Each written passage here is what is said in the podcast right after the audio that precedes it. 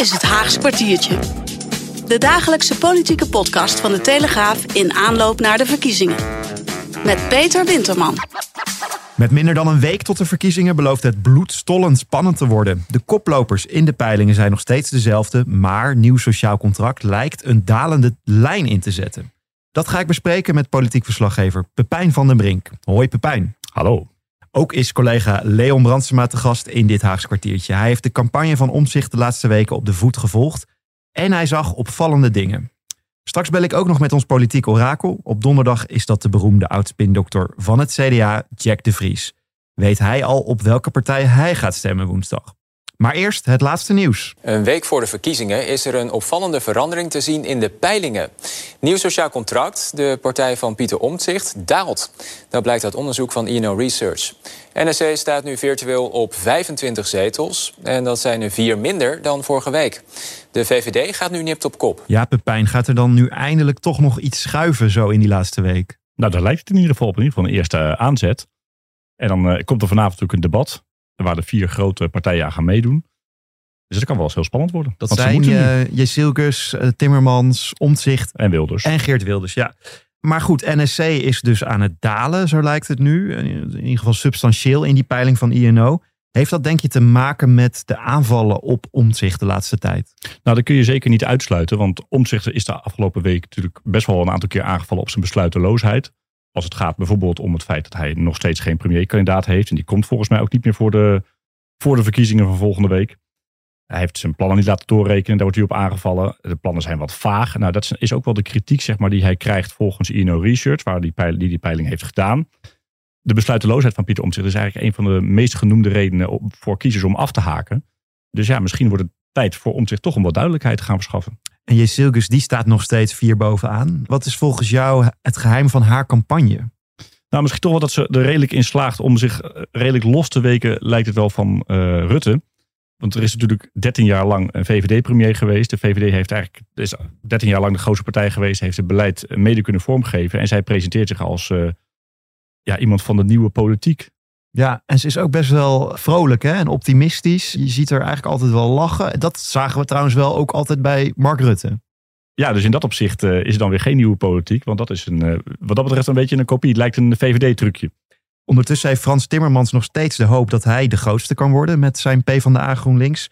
En daar zei hij gisteravond dit over bij Galit en Sophie. Nou ja, ik zie dat de kiezer die conclusie nu aan het trekken is. En ik zie ook nou, dat ik, ik zie het nog ik niet. Zie ook, naar beneden. We kijken mee, maar we zien het ook. verwijs ik ja. weer naar wat meneer Kander zegt. Ja. Het potentieel bij ons is nog heel groot. Ja, maar, ja, maar, maar, maar dan... in de Nederlandse verkiezingen, en corrigeer me als ik het niet juist zeg... in de Nederlandse verkiezingen beslissen mensen steeds later. Pas in de laatste nee, paar klopt. dagen. Een felle Timmermans horen we. hij zet al zijn kaarten op de laatste paar dagen. Heeft hij eigenlijk gelijk over dat potentieel, Pepijn? Nou, het potentieel wat hij eigenlijk ziet is dat de Partij voor de Dieren bijvoorbeeld, maar ook de SP, kiezers die overwegen om op die partij te stemmen, dat die wel eens een strategische keuze zouden kunnen maken om Timmermans de grootste te maken met GroenLinks en PvdA. Ja, dus die linkse stem, die hoopt hij een beetje als een spons nog naar zich toe te trekken in die laatste dagen. Ja, daar zet hij in ieder geval op in. Maar en dus, hij, hij legt het heel positief uit in ieder geval. Ja, en dat is wel iets wat mij echt opvalt, dat zie je vaker. Caroline van der Plas bijvoorbeeld, die beweert uh, keer op keer dat ze wordt onderschat in de peilingen. En dan refereert ze natuurlijk aan twee jaar geleden toen ze niet op een zetel werd gepeild. En toch met een zetel in de Kamer kwam en ook bij de Provinciale Statenverkiezing. Maar toen had ze wel aan alle kanten de wind in de rug. Ik hoorde gisteren ook CDA Dirk Boswijk zeggen dat toen hij in Woerden liep, dat hij uh, ja, had zoveel enthousiaste mensen gehoord. En het was allemaal... Allemaal geweldig. Nou, dus, dat zien we helemaal niet bij het CDA. Nee. nee, toen zegt hij, ja, deze groepen die zitten niet in de peilingen. En, en Eerdmans legt positief uit dat er, nou ja, hij had ergens gelezen dat 2,3% van de mensen op uh, jaar 21 ging stemmen. Wat dan weer meer is dan uh, in de recente peiling van INO Research. Dus het wordt allemaal goed uitgelegd. Net als, zoals we altijd na de verkiezingen altijd uh, 20 verkiezingswinnaars hebben. Die hebben de peilingen verslagen. Die zijn minder verloren dan de laatste keer. Het is altijd ja, mooie uitleg. Ja, je al een kleine vooruitkijk naar de donderdag, hè, volgende week, als de verkiezingen erop zitten. De PVV trouwens, wilde ik nog even aanstippen, die groeit in de peilingen. Kan dat, denk je, gunstig zijn voor Frans Timmermans? Dat zou heel goed kunnen. Twee jaar geleden, toen uh, zette Kaag zich namelijk in het laatste debat uh, zich best wel af tegen Geert Wilders. En dat leverde op het laatste moment echt nog wel wat stemmen op. En ook wat zetels. Dus het zou heel goed kunnen. Dus ik uh, kan me zo voorstellen dat hij vanavond, als het debat is, met de lijsttrekkers bij SBSS, dat hij uh, Timmermans uh, vol in de aanval gaat op Geert Wilders. En dat is ook de eerste keer, geloof ik, hè, dat die twee uh, tegenover elkaar staan. Timmermans en Wilders. Ja, en ben ik benieuwd wie het meest fel is van de twee. Nou, daar gaan we het zeker morgen over hebben. Bedankt, Pepijn. Leon, jij hebt de afgelopen weken de campagne van Pieter Omzicht op de voet gevolgd. En jouw reportage die staat vandaag in de Telegraaf en op onze site. Vorige week was je bij de eerste ledenbijeenkomst van Nieuw Sociaal Contract. En je was daar niet de enige journalist. Er kwam zelfs pers uit het buitenland op af. Um, to actually um, have it for our own citizens. So when we restart pumping gas from the North Sea, of Groningen, mind you, then we have to make sure that we also... Ja, we horen Omtzigt hier Engels spreken. En spreekt hij eigenlijk net als Timmermans uh, meerdere talen? Ja, inderdaad. Engels, uh, Frans hoorden we voorbij komen. Frans de taal, niet Frans Timmermans. En uh, Duits sprak hij nog. En ik las bij, bij The Guardian, want The Guardian was er ook. Dat hij ook nog aanbood om het in het Italiaans te doen, waar hij natuurlijk heeft gestudeerd. Maar nou, dat was niet nodig, want Italiaanse media was er niet aanwezig. Ah, toch jammer. Ja, nee, maar het was inderdaad een leuk tafereel. Een soort uh, international press conference van, uh, van de heer Omtzigt. Ik dacht bij mezelf van, nou, ik kan zo uh, in één keer door naar de NAVO als ik dit zo hoor in al die talen. ja, want ja, toch bijzonder. Veel internationale aandacht nu voor een van de koplopers in de peilingen. Wat viel jou nou op bij de eerste ledendag van zijn splinternieuwe partij? Nou, ten eerste natuurlijk op zich de opkomst al. Ik geloof dat je op moment, dit was vorige week vrijdag. Ik geloof dat ze de leden uh, aanmeldingen ongeveer anderhalve week open hadden staan. En uh, nou, ze hadden al meer dan 7000 leden. Er waren er ook een stuk of 7, 800 volgens mij. Wat ook leuk was als je een beetje met die mensen sprak. Daar zag je toch een heel divers pluimage zeg maar, voorbij komen. Ik sprak een man die zei, ik heb altijd op Rutte gestemd. Uh, maar nou, sinds het zwart gekalkte documenten die voorbij komen. Hij wist niet eens meer precies welke zwart gekalkte documenten. Maar was van de VVD was hij wel af. En nu was hij lid van, de Partij van Omzicht geworden. ik sprak een oud SP'er. Iemand die lid is geweest van de Partij voor de Dieren. Nou, je hoorde ook van een van de bestuursleden van Nieuw Sociaal Contract. Die vertelde over, ja, dat zag je eigenlijk ook bij de kandidaten uit, uit alle hoeken. Alleen de, nou, wat hij de extreme noemde, PVV en Forum voor Democratie hadden ze niemand. Maar ook daar kwamen ze echt van links tot rechts eh, voorbij. En je zegt al ja, over die mensen allerlei verschillende achtergronden. Welk beeld hebben zij nou van omzicht? Is daar een soort gemene deler? Ja, het was gewoon heel veel bewondering vooral. Uh, ik vertrouw in Pieter en uh, Pieter uh, kan onze problemen oplossen. Dus dat was echt een beetje de gemene deler was ook van wij zijn hier voor Pieter. En, en dat was andersom ook wel interessant, want onze collega Laura Slooyer, mijn video, die vroeg ook aan omzicht van wat is nou eigenlijk de NSC'er? En toen zei hij van ja, dat weet ik eigenlijk ook nog niet. Dat hoop ik vandaag te zien. Ja, ja en hij uh, staat zich erop voor een man van de inhoud te zijn, hè, omzicht. Soms ook ingewikkelde voorstellen. We, we, hebben het al gehad hier in deze podcast over het constitutioneel hof. Maar ook op het gebied van belastingen heeft hij allerlei ideeën en plannen. Die weet hij ook te verkopen aan zijn achterban. Dat hoorde jij. Laten we even luisteren. Wij zullen de dividendstrippers aanpakken.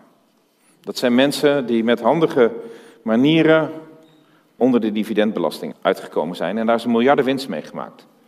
In Denemarken is dat gat gedicht in de wetgeving en levert het een miljard op. Wij willen de Deense wet invoeren, zodat ook hier dat geld betere bestemmingen vindt. Ja, zelfs applaus uh, horen we nu. Hoe kan het nou eigenlijk dat mensen voor zoiets vrij onbegrijpelijks toch uh, de handen op elkaar doen? Ja, ik, ik, had het idee dat het ook zat in gewoon de totale adoratie voor Pieter Omtzigt. Want ging die hele speech, die duurde geloof ik nou ja, ruim een half uur. En er kwamen allerlei van dit soort technische, technocratische voorstellen voorbij. Het afschaffen van de algemene bestuursdienst, pensioenwetgeving en eigenlijk op elk moment dat er een stilte viel, dan begon men massaal te applaudisseren. Soms ook wel eigenlijk voordat het de bedoeling was, omdat nou ja, het punt van omzicht eigenlijk nog moest komen. Dus ik denk het was gewoon een wondering en het was best wel typisch. En er waren geen one-liners, dat had hij ook beloofd. Maar, uh...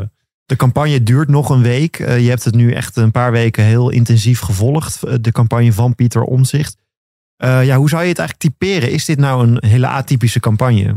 Ja, nee, dat vond ik dus wel. En ook om, ja. om dit soort dingen. En het, het vermijden van uh, sommige debatten. Het geven van dit soort uitgebreide lezingen. En ook het, het, nou ja, het fenomeen dat hij toch een soort van nieuw keer on blok is. In elk geval in deze verkiezingsstrijd.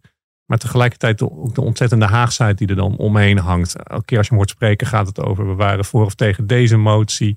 Constitutioneel Hof is eigenlijk ook zoiets dat ik denk van...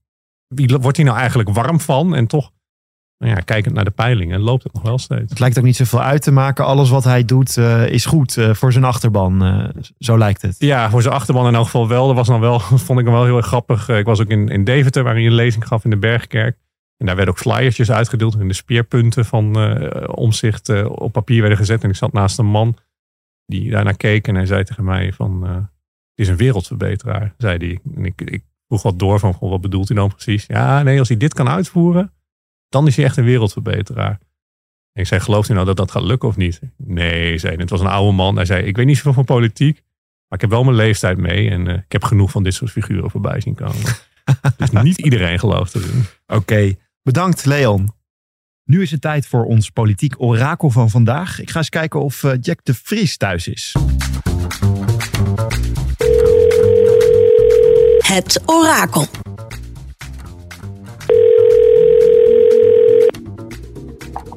Dirk. Hallo Jack, met Peter Winterman van de Telegraaf. Dag Peter. Goedemiddag. We zijn de laatste week voor de verkiezingen ingegaan. En eh, de slotfase nadert. Vind je het spannend?